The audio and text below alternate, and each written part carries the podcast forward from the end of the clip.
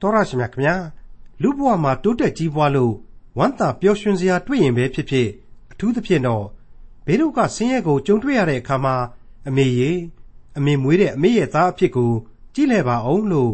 တန်းတန်းတရညီးတွားတတ်ကြပါတယ်အမေရေအမေမွေးတဲ့သားတစ်ယောက်တော့တနိုင်ငံလုံးကရန်တွေးတဲ့သူတနိုင်ငံလုံးကမုန်းတီးတဲ့သူဖြစ်နေရပါပြီလို့မချစ်တင်ကဲညီးတွားခဲ့ရသူတယောက်ရဲ့အဖြစ်ကိုတွေ့ရမယ်ခ ရိယန်တမန်ကျမ်းရဲ့ဓမ္မဟောင်းကျမ်းပိုင်းတွေကယေရမိအနာဂတ်ကျမ်းအခန်းကြီး14အခန်းကြီး15အခန်းကြီး16နဲ့အခန်းကြီး19တို့ကိုဒီကနေ့သင်သိရသောတမန်ကျမ်းအစီအစဉ်မှာလေ့လာမှာဖြစ်ပါတယ်။အဲ့ဒီလိုတနိုင်ငံလုံးကရန်တွေ့တဲ့သူတနိုင်ငံလုံးကမုန်းတီးတဲ့သူဖြစ်နေပေမဲ့လို့အမားတစ်ခုမှမလုပ်ခဲ့ပဲမှန်တာပြောဟုတ်တာလုပ်တာအပြစ်လားဆိုတာယေရမိအနာဂတ်ကျမ်းအခန်းကြီး14အခန်းကြီး15 အခန်းကြီး16နဲ့အခန်းကြီး19တို့ကိုဒေါက်တာထွန်းမြတ်အေးကအခုလိုလေ့လာသုံးသပ်တင်ပြထားပါတယ်။သမိုင်းကြောင်းအရမင်းကောင်းမင်းမြတ်ယောရှိသေသွားတဲ့အချိန်ယူဒပြည်မှာယောခဆိုတဲ့သားတော်နန်းတက်တယ်။ဒါပေမဲ့သုံးလပဲခံတယ်။အဲဂုတ်ထုဘုရင်ကလာပြီးတော့အဲ့ဒီယောခကိုနန်းချ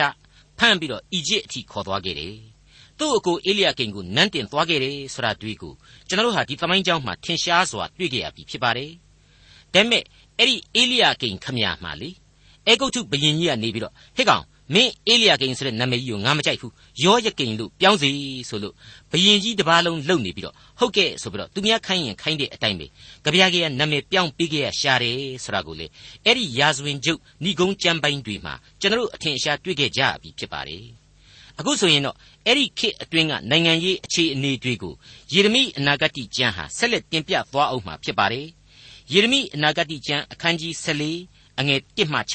6မိုးပြတ်သောအမှုကိုရည်မှတ်၍ယေရမိသို့ရောက်သောထာဝရဘုရား၏နှုတ်ကပတ်တော်ဟူမူကားယုဒပြည်သည်ညီးတွား၏မြို့တကားတို့၌မြည်တမ်းသောအသံရှိ၏နက်သောအဝတ်ကိုမြေတိုင်အောင်ဝတ်၍ယေရုရှလင်မြို့သားတို့၏ငိုကြွေးခြင်းအသံသည်တက်လေ၏မူမတ်တို့သည်မိမိသူငယ်တို့ကိုရေခတ်ဆေးလွှတ်၍သူငယ်တို့သည်ရေကျင်းသို့ရောက်သောအခါရေကိုမတွေ့အိုးသက်သက်ကိုသာဆောင်းခဲ့လျက်ပြန်လာကြ၏ ဥကောင်းကိုခြုံလျက်ရှက်ကြောက်မှိုင်တွေကြ၏မိုးပြတ်၍မြေအက်ကွဲသောကြောင့်လေလုတ်သောသူတို့သည်ဥကောင်းကိုခြုံလျက်ရှက်ကြောက်ကြ၏သမင်မသည်လေပြင်း၌မွေးသောအခါမျက်မရှိသောကြောင့်သားငယ်ကိုစွန့်ပစ်၏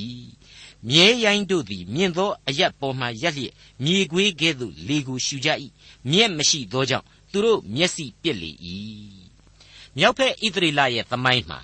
လူသက်ကောင်အဖြစ်လဲနာမည်ပြက်တယ် လူဆိုးလည်းဖြစ်တဲ့အာဟပ်ဆိုတဲ့ဘုရင်ခေတ်တုန်းကအကြီးအကျယ်မိုးခေါင်ခဲ့ဘူးသလိုအခုသူများကနန်းတင်လို့ဘယင်ဖြစ်လာရတဲ့ရောယကိန်ခင်မှာလေအကြီးအကျယ်မိုးခေါင်တာကိုမှတ်တမ်းမှတ်ရအနေနဲ့တွေ့ရပါပြီမိษွေအပေါင်းတို့နှုတ်ကပတ်တော်အတွင်းမှာမိုးခေါင်ခြင်း73ကတွေ့ခဲ့ရပါတယ်အကုန်လုံးဟာဘုရားသခင်ရဲ့စီရင်တော်မူခြင်းတွေကြီးပဲဖြစ်ပါတယ်ရုပ်လောကကဘာကြီးထဲမှာဘုရားသခင်ရဲ့အံ့ဩပွဲကြောက်မဲ့ဖွယ်လက္ခဏာတွေဟာအစဉ်တစိုက်ထင်ရှားလျက်ရှိနေတယ်လို့ကျွန်တော်ဆိုချင်ပါတယ် ယေရမိအနာဂတ်ကျမ်းအခန်းကြီး14အငယ်9မှ9အိုးထာဝရဘုရားအကျွန်ုပ်တို့၏အပြစ်သည်အကျွန်ုပ်တို့တစ်ဖက်၌သက်သည်ခံတော်လေနာမတော်ကိုထောက်၍စီရင်တော်မူပါအကျွန်ုပ်တို့သည်ကြိမ်ဖန်များစွာဖောက်ပြန်ပါပြီကိုတော်ကိုပြစ်မှားပါပြီအိုဣတရီလအမျိုး၏မျှော်လင့်စရာအကြောင်း အမှုရောက်သောကာလကဲတင်တော်မူသောသခင်ကိုတော်သည်အကျွန်ုပ်တို့ပြည်၌ဧည့်သည်ကဲ့သို့၎င်းတညသာအိတ်ချင်းငှဝင်သောခရီးသွားကဲ့သို့၎င်းအဘေကြောင့်ဖြစ်တော်မူသည်။မိမောတွေ့ဝေသောသူကဲ့သို့၎င်းကဲတင်ခြင်းငှမတတ်နိုင်သောသူရဲကဲ့သို့၎င်းအဘေကြောင့်ဖြစ်တော်မူသည်။အိုထာဝရဖျားကိုတော်သည်အကျွန်ုပ်တို့တွင်ရှိတော်မူ၏။အကျွန်ုပ်တို့သည်နာမတော်ဖြင့်သမုတ်သောသူဖြစ်ပါ၏။အကျွန်ုပ်တို့ကိုစွန့်ပစ်တော်မမူပါနှင့်။ယေရမိဟာဒီအပိုင်းမှာ ကိုကိုကိုအပြစ်သားတယောက်အဖြစ်ဣသရေလလူမျိုးအမြောက်များနဲ့အတူဣသရေလပြည်သူများနဲ့အတူဝန်ခံရှာတယ်စိတ်လိုက်မှန်ပါနဲ့ဒီလူမျိုးကိုကျိန်ဆဲခဲ့ဘူးတာတွေကိုကျွန်တော်တို့ယေရမိနဲ့ပတ်သက်ပြီးတော့တွေ့ကြရပြီဖြစ်တယ်လို့အခုဆိုရင်ဒီလူမျိုးရဲ့ကိုစားသူဟာဘလောက်အထိဘုရားသခင်ကိုဆုတောင်းပေးနေတယ်အသနာခံပေးနေတယ်ဆိုတာတွေ့ကိုထပ်ပြီးတော့အံ့ဩဖို့ကောင်းလောက်အောင်တွေ့မြင်နေရပါတယ်ယေရမိအနာဂတ်ကျမ်းအခန်းကြီး14အငယ်73နဲ့14ကိုကြော်ပြီးတော့ဖတ်ပြပါရစေ ငါကလည်းအိုးအရှင်ထာဝရဖျားပရောဖက်တို့ကသင်တို့သည်ဓာဘေးကိုမတွေ့ရကြမွတ်သိပ်ခြင်းဘေးသည်သင်တို့ရှိရာသို့မရောက်ရဤအရ၌မြဲသောညီသက်ခြင်းကိုငါပေးမည်ဟုဤသူတို့အားဟောပြောကြောင်းကိုငါလျှောက်သောအခါထာဝရဘုရားကထိုပရောဖက်တို့သည်ငါ၏နာမကိုအမိပြု၍မှုသာကိုဟောရကြ၏ သူတို့ကိုငါမစေလွတ်မမှားထားဗျာဒိတ်မပေးသူတို့ဟောပြောချက်တို့သည်မျက်စိကိုလှည့်ခြင်းနတ်ပူးခြင်းအချီးနှီးကြံစီခြင်းမိမိဉာဏ်အတိုင်းလှည့်စားခြင်းတက်တက်ဖြစ်ကြ၏ကျွန်တော်အတိတ်သင်ခန်းစာတွေမှာရှင်းလင်းဖော်ပြပေးခဲ့တဲ့အတိုင်းပါပဲဣသရေလဟာကမ္ဘာလူအဖွဲ့အစည်းတစ်ခုလုံးရဲ့အံ့ဩပွေသောဇယိုက်လက်ခရာလက္ခဏာတရက်ကိုဖော်ပြနေပါတယ်ကြေးမုံမှန်ချက်များလို့ပေါ့ ကမ္ဘာလူအဖွဲ့အစည်းကြီးကမ္ဘာလူသားအများစုတို့ရဲ့ဇယိုက်လက္ခဏာကိုဣသရေလကနေတွေ့ရတယ်အဲ့ဒါကတော့တခြားမဟုတ်ပါဘူးမှန်တာပြောရင်မကြိုက်ဘူးမြောက်ပေးမှကြိုက်တတ်တယ်ဆိုတဲ့လူရဲ့အံ့ဩပွေသောလူမနှောပဲဖြစ်ပါတယ်အခုလိုပရောဖက်အတုအယောင်တွေကြောင့်လေအခန်းကြီး၄အငယ်30တုန်းကဆိုရင်ငါကလေ အိုးအရှင်ထာဝရဖေဟာတန်လျက်သည်အသက်ကိုထိသည်တိုင်အောင်ခွင်းတော်လေတင်တို့သည်ငြိမ်သက်ခြင်းရှိကြလိမ့်မည်ဟုကိုတော်သည်မိန့်တော်မူသောအဖြစ်ဤလူများနှင့်တကွယေရုရှလင်မြို့သားတို့ကိုအလွန်လှည့်စားတော်မူပါပြီတကားဟုလျှောက်ဆို၏အဲ့ဒီလိုဖော်ပြခဲ့တာကိုတွေ့ခဲ့ရတယ်အဲ့ဒါဟာတကယ်တော့ဘုရားသခင်ကိုအပြစ်တင်ခြင်းမဟုတ်ဣသရေလရဲ့ပဂတိအခြေအနေပေါ်မှာသာယေရမိတယောက်မြည်တွန်းတောက်တီးခြင်းပဲ အရေးထဲမှာငါစကားတဲ့လူလိန်လူညာတွေရဲ့စကားတွေကသာပို့ပြီးတော့အောင်နေတဲ့အတွက်ကြောင့်ဘုရားသခင်ကယ်ပါအောင်ဘုရားသခင်ကြည်ကြက်လုပ်ပါအောင်ဆိုပြီးတော့အော်ဟစ်မြည်တမ်းခြင်းပဲလို့ကျွန်တော်တင်ပြခဲ့ပါသေးတယ်အခုယေရမိအနာဂတိကျမ်းအခန်းကြီး14အငယ်15မှ18ကိုဆက်ပြီးတော့နားဆွင့်ထောင်ကြည့်ကြပါထာဝရဘုရားမိန့်တော်မူသည်ကား ဤပြည်၌ဓာဘေးမွတ်သိပ်ခြင်းဘေးမရှိရဟုငါမစေလွတ်ဖဲငါနာမကိုအမိပြု၍ကိုအလိုလျောက်ဟောပြောသောပရောဖက်တို့သည်ဓာဘေးမွတ်သိပ်ခြင်းဘေးဖြင့်ဆုံးရကြလိမ့်မည်သူတို့၏တရားနာပရိသတ်တို့သည်ကိုယ်တိုင်မှစ၍မယားသားသမီးတို့နှင့်တကွမွတ်သိပ်ခြင်းဘေးဓာဘေးကြောင့်ယေရုရှလင်မြို့လမ်းထဲသို့ပြစ်ချခြင်းကိုခံရ၍အဘယ်သူမျှမသိမ်းကြရာ သူတို့၏အပြစ်ကိုသူတို့အပေါ်သို့ငါသွန်းလောင်းမည်သင်သည်လည်းသူတို့အားပြောရမည်စကားဟုမူကားငါသည်နေညမပြတ်မျက်ရည်ကြရမည်ငါ၏လူမျိုးသူတို့သမီးသည်အလွန်ပြင်းစွာသောဒဏ်ချက်ကိုခံရ၍အယိုးများကျိုးလေပြီဒါပေမရှိအငတ်ဘေးမရှိဆိုပြီးတော့လိန်နဲ့ညာတဲ့ပရောဖက်အတုတွေကိုသူတို့မရှိဘူးလို့ပြောထားတဲ့ဒါဘေးအငတ်ဘေးတွေနဲ့ကြုံစေရမယ်တဲ့ဟုတ်ပါတယ် အဲ့ဒါဟာသူတို့အပြစ်ကိုသူတို့အပေါ်သို့ပြန်ပြီးတော့သွန်လောင်းခြင်းပဲဆိုပြီးတော့ဆက်ပြီးတွေ့ရပါတယ်မိတ်ဆွေအပေါင်းတို့ခမညာဟေရှာယအနာဂတိသင်ခန်းစာမှာကလေးကစဉ်းစားရန်အချက်တွေကိုကျွန်တော်တင်ပြပေးခဲ့ပါတယ်ပြောတော့သာအပြစ်စီရင်ခြင်းအပြစ်စီရင်ခြင်းဆိုပြီးတော့ဘုရားသခင်ကပဲတစ်ဖက်သက်အပြစ်စီရင်ကြောင်ကြောင်ထင်ရတယ်အမှန်ကတော့ကိုယ့်ဖာသာကိုယ်သာကိုယ့်အပြစ်တရားနဲ့ကိုယ်တိုင်ကိုယ့်ကိုယ်ကိုပြန်ကြော့မိပြီးတော့အစီရင်ခံရတာပဲဆိုတဲ့အချက်ကိုထည့်သွင်းစဉ်းစားရန်ပဲဖြစ်ပါတယ် ယေရမိအနာဂတိကျမ်းအခန်းကြီး14အငယ်20မှ22အိုးထာဝရဖျား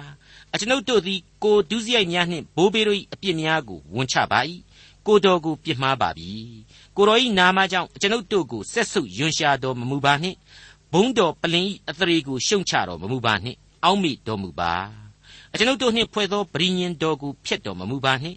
သာသနာပလူတို့ကိုးကွယ်သောရုတ်တုစင်တုတို့တွင်မိုးရွာစေနိုင်သောသူရှိပါသလောမိုးသည်အလိုလိုရွာနိုင်ပါသလောအကျွန်ုပ်တို့ဘုရားသခင်ထာဝရဘုရားကိုတော်သာလျှင်တတ်နိုင်တော်မူသည်မဟုတ်လောတို့ဖြစ်၍ကိုတော်ကိုမျှော်လင့်လျက်နေပါမည်ကိုတော်သည်အလုံးစုံတို့ကိုဖန်ဆင်းသောဘုရားဖြစ်တော်မူ၏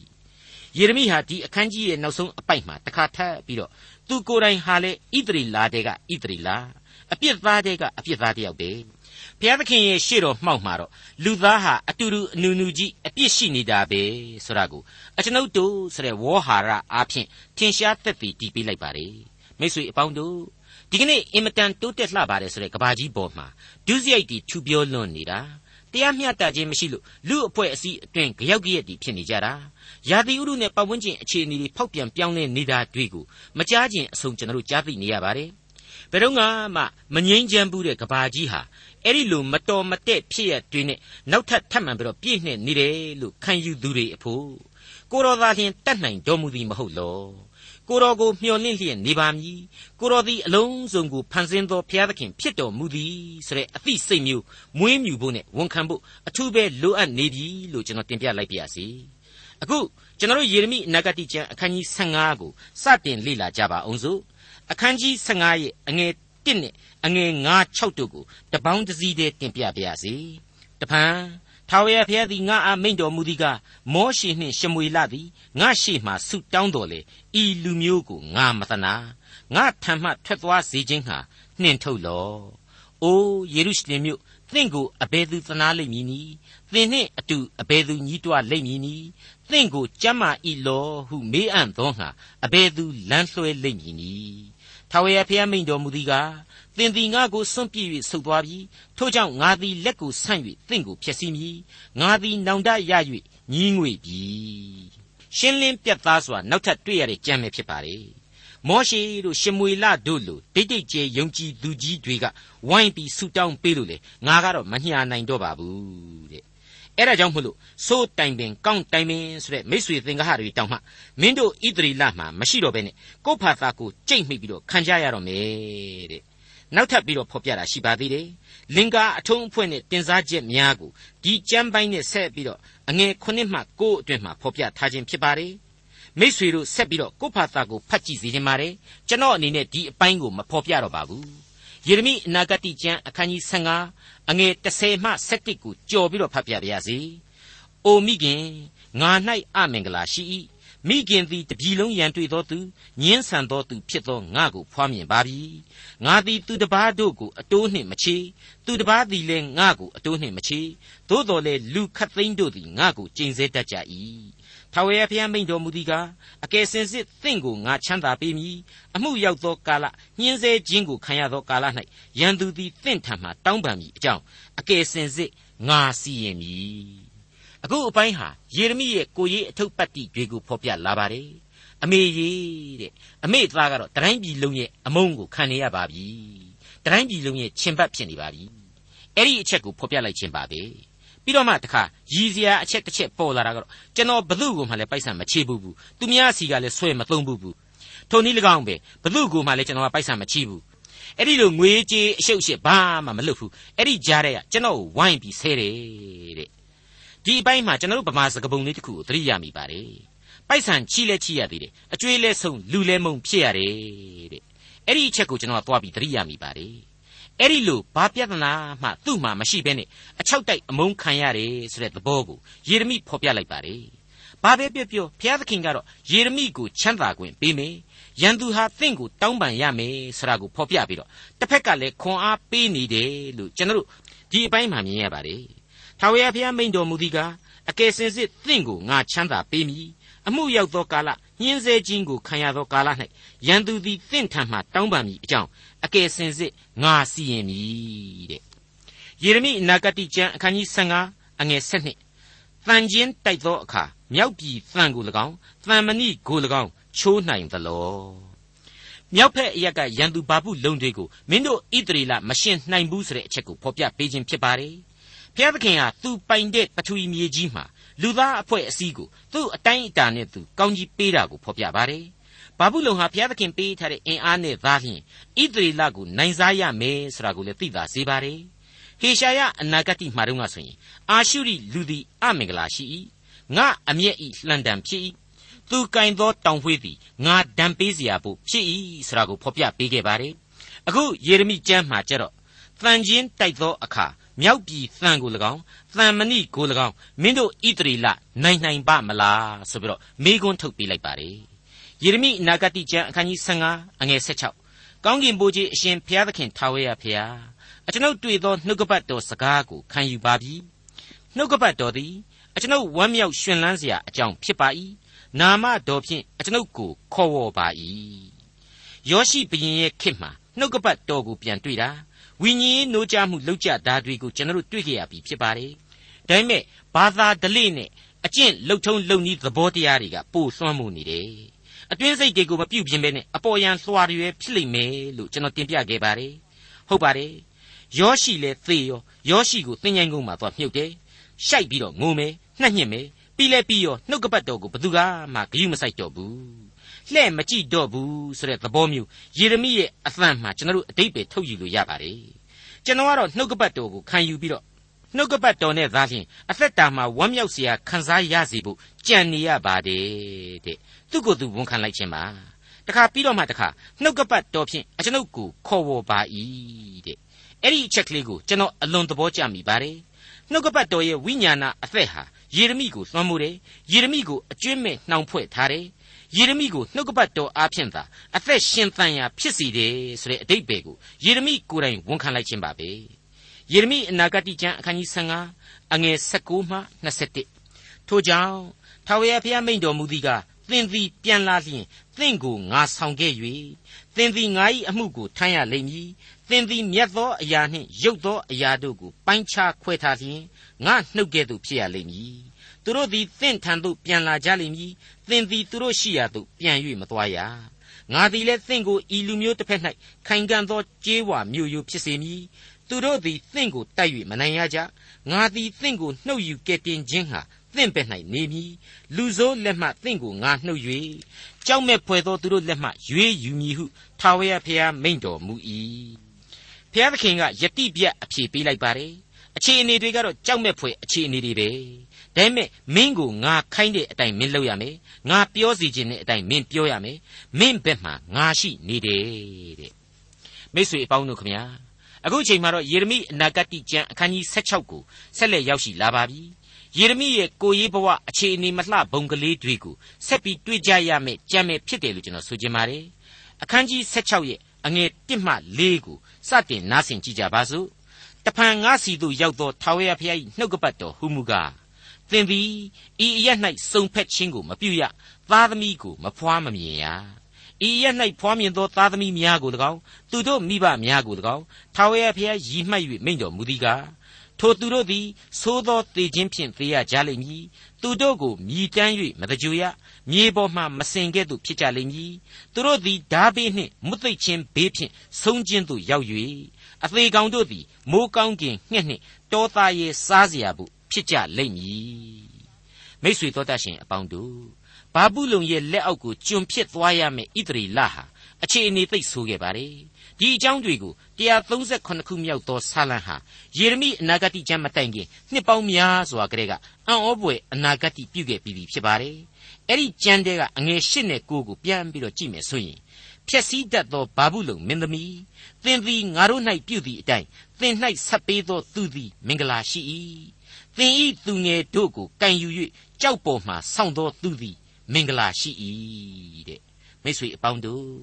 ဣသရေလတွေကိုအကြီးအကျယ်ညှဉ်းပန်းနှိပ်စက်ခဲ့တဲ့ဘာဘူးလုံအတွက်ကြိုတင်ကြိမ်စားပါပဲသူ့အလှဲ့မှာလေသူပြုတ်ခဲ့တဲ့အတိုင်းခံရပါစေသောဆိုပြီးတော့မှအိုးဘာဘူးလုံမင်းသမီးသင်ဤသူငယ်တို့ကိုကြောက်ပေါ်မှကံယူဆောင်းဖွတ်သောသူသည် မင်္ဂလာရှိ၏တဲ့အတိတ်ပဲကပါလေ သူတို့ဟာဣသရေလမှာကလေးတွေကိုရရဆက်တတ်ခဲ့တယ်ဆိုတာရှင်းနေပြီမဟုတ်ဘူးလားဘလောက်များအဲ့ဒီအချိန်ကာလရဲ့အန်တရယ်တွေဟာယဉ်နှင့်ခြောက်ခြားပွေဖြစ်နေမလဲဆိုတာကိုစဉ်းစားသာကြည့်ကြပြီးတော့ဘုရားသခင်ကအခုယေရမိကိုအိမ်တောင်မပြုတ်ရဘူးမင်းအိမ်တောင်ပြုတ်ရင်အဲ့ဒီလိုပဲမင်းမိသားစုတွေပျက်စီးကုန်ကြရလိမ့်မယ်တဲ့ယေရမိအနာဂတိကျမ်းအခန်းကြီး16အငယ်14မှ21ကိုကြော်ပြီးတော့ဖတ်ပြပါရစေ တို့ဖြစ်၍ထာဝရဘုရားမိန့်တော်မူသည်ကဣသရေလအမျိုးသားတို့ကိုအေဂုတ်ထုပြည်မှနှုတ်ဆောင်သောထာဝရဘုရားအသက်ရှင်တော်မူသည်ဟု၍မကြိမ်ဆိုပဲဣသရေလအမျိုးသားတို့ကိုမြောက်ပြည်မှစ၍နှင်ထုတ်ဖူးသောပြည်ရှိသမျှတို့မှနှုတ်ဆောင်သောထာဝရဘုရားအသက်ရှင်တော်မူသည်ဟု၍ ကြိမ်ဆိုရသောကာလသည် နောက်တဖန်ရောက်လိမ့်မည်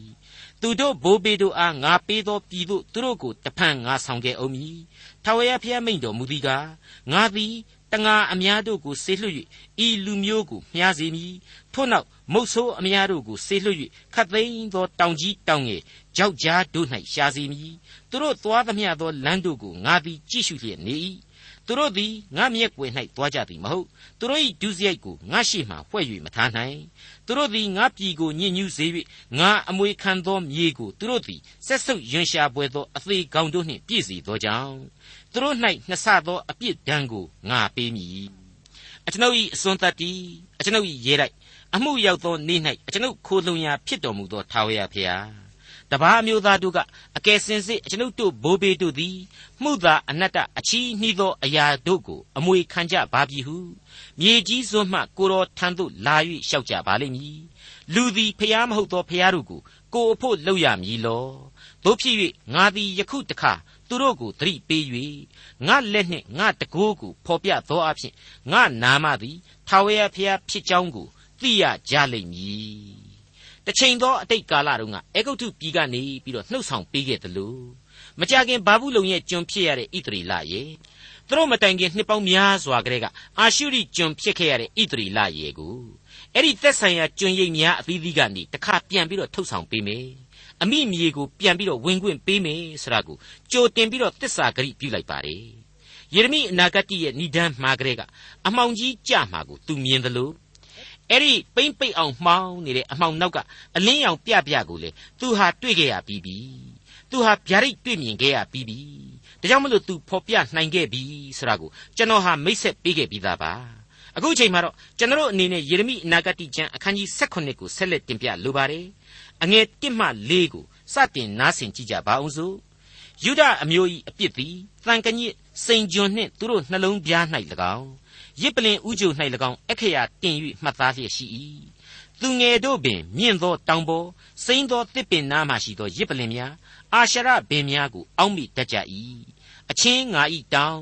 လယ်၌ရှိသောသင်၏ဥစ္စာနှင့်သိုထားသမျှသောဥစ္စာကို၎င်းပြည်တလျှောက်လုံး၌သင်ပြစ်မှားရာမြင့်သောအရက်တို့ကို၎င်းလူယူသောသူတို့လက်သို့ငါအပ်မည် သင်ကိုယ်တိုင်လည်းငါပေးသောအမွေမှရွှေ့သွားရလိမ့်မည်သင်မသိသောပြည်တွင်ရန်သူလက်၌သင်ကိုငါကျွန်ခံစေမည်အကြောင်းမူကားအစဉ်လောင်သောငါ၏အမျက်မီးကိုသင်တို့သည်မှုေးကြပြီမိတ်ဆွေအပေါင်းတို့လူသားအပေါင်းတို့ရဲ့အပြစ်ဟာသူတို့တူးချင်းရဲ့နှလုံးသားမှာကိုကပီးတင်နေတယ်တဲ့ယေရမိအဲ့လိုဆိုလိုက်ပါတယ် တခါအဲ့ဒီကပီးတွေဟာအဲ့ဒီလူသားတို့ကိုးကွယ်တဲ့နတ်ကွန်းရဲ့ရစ်ပလင်တွေအားဖြင့်လေပြန်ပြီးတော့ထင်ရှားနေပြန်တယ်လို့ဆိုလိုက်ပြန်ပါတယ်ယေရမိအနာဂတ်ကျမ်းအခန်းကြီး16အငယ်9မှ10ထာဝရဘုရားမိန့်တော်မူသည်ကားလူကိုကိုးစား၍လူတ attva ကိုအမိပြုသဖြင့်စိတ်နှလုံးထဲ၌ထာဝရဘုရားထံတော်မှထွက်သွားသောသူသည်ကျိန်အပ်သောသူဖြစ်၏ထိုသူသည်လွင်ပြင်၌ရှိသောတစ်ပင်ကြောက်ကဲ့သို့ဖြစ်၍ ကောင်းကျိုးရောက်ကြောင်းကိုမသိရအဘယ်သူမျှမနေသောဆာမည်တွေးချောက်သောလွင်ပြင်၌နေရလိမ့်မည်ထာဝရဘုရားကိုကိုးစားသောသူထာဝရဘုရားကိုမိမိကိုးစားရာအကြောင်းဖြစ်စေသောသူသည်ကောင်းကြီးမင်္ဂလာကိုခံအပ်သောသူဖြစ်၏ထိုသူသည်ကရေရှိသောအရ၌စိုက်၍မြင့်နားမှအမြင့်ဖြာသဖြင့်ပူသောအရှင်ယောက်ျောင်းကိုမသိအရွက်မညှိုးနွမ်းမိုးခေါင်သောကာလ၌စိုးရိမ်စရာမရှိဘဲအစဉ်အမြဲအသီးကိုသီးတတ်သောအပင်နှင့်တူ၏ ဒီအပိုင်းကလေးဟာဆာလံတီချင်းများရဲ့အစမှဏိဒန်းပြိုးပြီးတော့ဖော်ပြခဲ့တယ်မင်္ဂလာရှိသောသူသို့မဟုတ်ခရစ်တော်နှင့်အတူတည်မိသူရဲ့မတရားသောသူသို့မဟုတ်စာရန်ဘက်တော်သားအမင်္ဂလာဖြစ်သူများအကြောင်းရေးကိုတူပြိုင်နှိုင်းရှင်သရုပ်များအဖြစ်နဲ့ဖွဲ့ဆိုထားတဲ့ပထမမြောက်ဆာလံနဲ့သဘောချင်းများစွာတူညီနေတယ်လို့ကျွန်တော်ဆိုချင်ပါတယ်ယေရမိအနာဂတိကျမ်းအခန်းကြီး16အငယ်6မှ7 စိတ်နှလုံးသည်ခတ်သိမ်းသောအရာတည်းဆင်းလဲတတ်၏အလွန်ယိုယွင်းသောသဘောရှိ၏စိတ်နှလုံးသဘောကိုအဘယ်သူသိနိုင်သနည်းငါထာဝရဘုရားသည်လူအသီးသီးတို့အားမိမိတို့အကျင့်အတိုင်းမိမိတို့ခံတိုက်သောအကျိုးအပြစ်ကိုပေးခြင်းငှာနှလုံးကြောက်ကပ်တို့ကိုစိစိစစ်ကြောတတ်၏ကောရငှက်သည်မိမိမဥသောဥကိုဝတ်တကဲ့သို့မတရားသဖြင့်ဥစ္စာစီးပူးသောသူသည်အသက်ပြိုစင်ကပင်ဆင်းရဲခြင်းသို့ရောက်၍အဆုံး၌ကလူမိုက်ဖြစ်လိမ့်မည်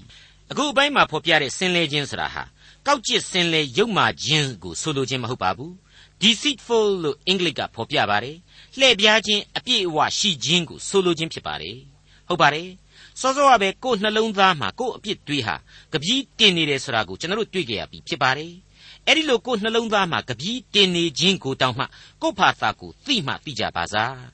ကိုဟာအပြစ်စံချိန်ဘလောက်ထိမြင့်နေပြီဆိုတာကိုခံမှခံစားမိကြပါစား အဲ့ဒီလောက်အထိများကိုဟာအလှည့်ပြားခံနေကြရလေသလားလို့ဆန်းစစ်စရာကောင်းလှပါတယ်ဟုတ်ပါတယ်မိတ်ဆွေအပေါင်းတို့ဣသရေလဟာနိုင်ငံကြီးတစ်ခုလုံးအတိုင်းအတာနဲ့နှလုံးသားရဲ့အလှည့်ပြားကိုခံနေရပြီအမှားတွေအကုန်လုံးကိုအမှန်ထင်နေကြပြီဆိုတာကိုယေရမိအနာဂတိကျမ်းမှတဆင့်ကျွန်တော်အံ့ဩဖွယ်တွေ့မြင်နေရပါတယ်ယေရမိအနာဂတိကျမ်းအခန်းကြီး16အငယ်7မှ14 ရှေးဥစွာမှစ၍မြင်သောအရ၌ဘုံကြီးတော်မူသောရာဇပလင်သည်ငါတို့တန်ရှင်းရာဌာနတော်အရက်ဖြစ်၏အိုဣသရေလအမျိုး၏မျှော်လင့်စရာအကြောင်းဖြစ်သောထာဝရဘုရားကိုတော်ကိုစွန့်ပစ်သောသူအပေါင်းတို့သည်အရှက်ကွဲရကြပါလိမ့်မည်ငါထံမှထွက်သွားသောသူတို့သည်မြေစရင်သို့ဝင်ရကြပါလိမ့်မည်အကြောင်းမူကားအသက်ဆန်းရည်တွင်တီးဟုသောထာဝရဘုရားကိုစွန့်ပစ်ကြသည်မိษွေအပေါင်းတို့ခမညာ အသက်ဆန်းရည်ဖြစ်တဲ့ထာဝရဘုရားကိုစွန့်ပစ်ကြပြီဆိုရင်တော့မြေစရင်ကိုဝင်ကြရမှာဧကန်အမှန်ပါပဲယေရမိအနာဂတိကျမ်းအခန်းကြီး16အငယ်15မှ18ထာဝရဘုရား၏နှုတ်ကပတ်တော်သည်အဘယ်မှရှိသနည်းယခုလာပါစေတော့ဟုဤသူတို့သည်အကျွန်ုပ်အားဆိုတတ်ကြပါ၏အကျွန်ုပ်သည်နောက်တော်သို့လိုက်သောဆရာ၏အရာကိုမရှောင်ပါအမင်္ဂလာနေ့ကိုမတောင့်တပါအကျွန်ုပ်ဟောပြောချက်တို့ကိုကိုတော်သိတော်မူ၏ကိုတော်မျက်မှောက်၌ရှိပါ၏ အကျွန်ုပ်ကိုထိတ်လန့်စေတော်မမူပါနှင့်ဘေးရောက်သောကာလ၌ကိုတော်သည်အကျွန်ုပ်ခိုလှုံရာဖြစ်တော်မူ၏အကျွန်ုပ်ကိုညှင်းဆဲသောသူတို့သည်အရှက်ကွဲကြပါစေသောအကျွန်ုပ်မူကားအရှက်မကွဲပါစေနှင့်သူတို့သည်စိတ်ပြက်ကြပါစေသောအကျွန်ုပ်မူကားစိတ်မပြက်ပါစေနှင့်သူတို့အပေါ်မှာဘေးအန္တရာယ်ကာလကိုရောက်စီတော်မူပါ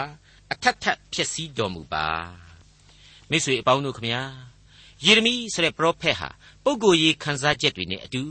ဘယ်လို့မှချော့လို့ခြောက်လို့မရဖောက်ပြန်နေနိုင်ဖောက်ပြန်နေတဲ့ဣသရေလလူအဖွဲ့အစည်းပေါ်မှာသူ့ရဲ့ထုံးစံအတိုင်းဆက်လက်ကျိန်ဆိုတယ်အထက်ထပ်ဖြစ်စည်းပဲပြစ်လိုက်ပါတော့တဲ့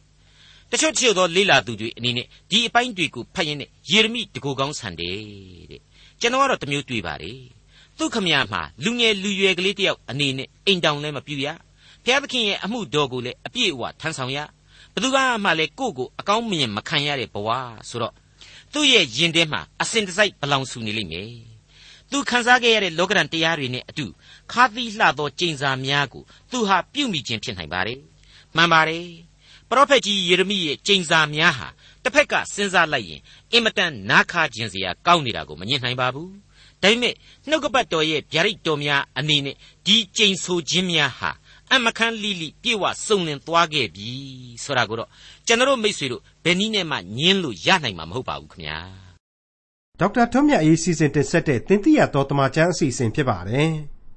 နောက်တစ်ချိန်အစီအစဉ်မှာခရိယန်တမချန်းရဲ့ဓမ္မဟောင်းကျမ်းပိုင်းတွေကယေရမိအနာဂတ်ကျမ်းအခန်းကြီး18နဲ့အခန်းကြီး19တို့ကိုလေ့လာမှာဖြစ်တဲ့အတွက်စောင့်မျှော်နားဆင်နိုင်ပါတယ်။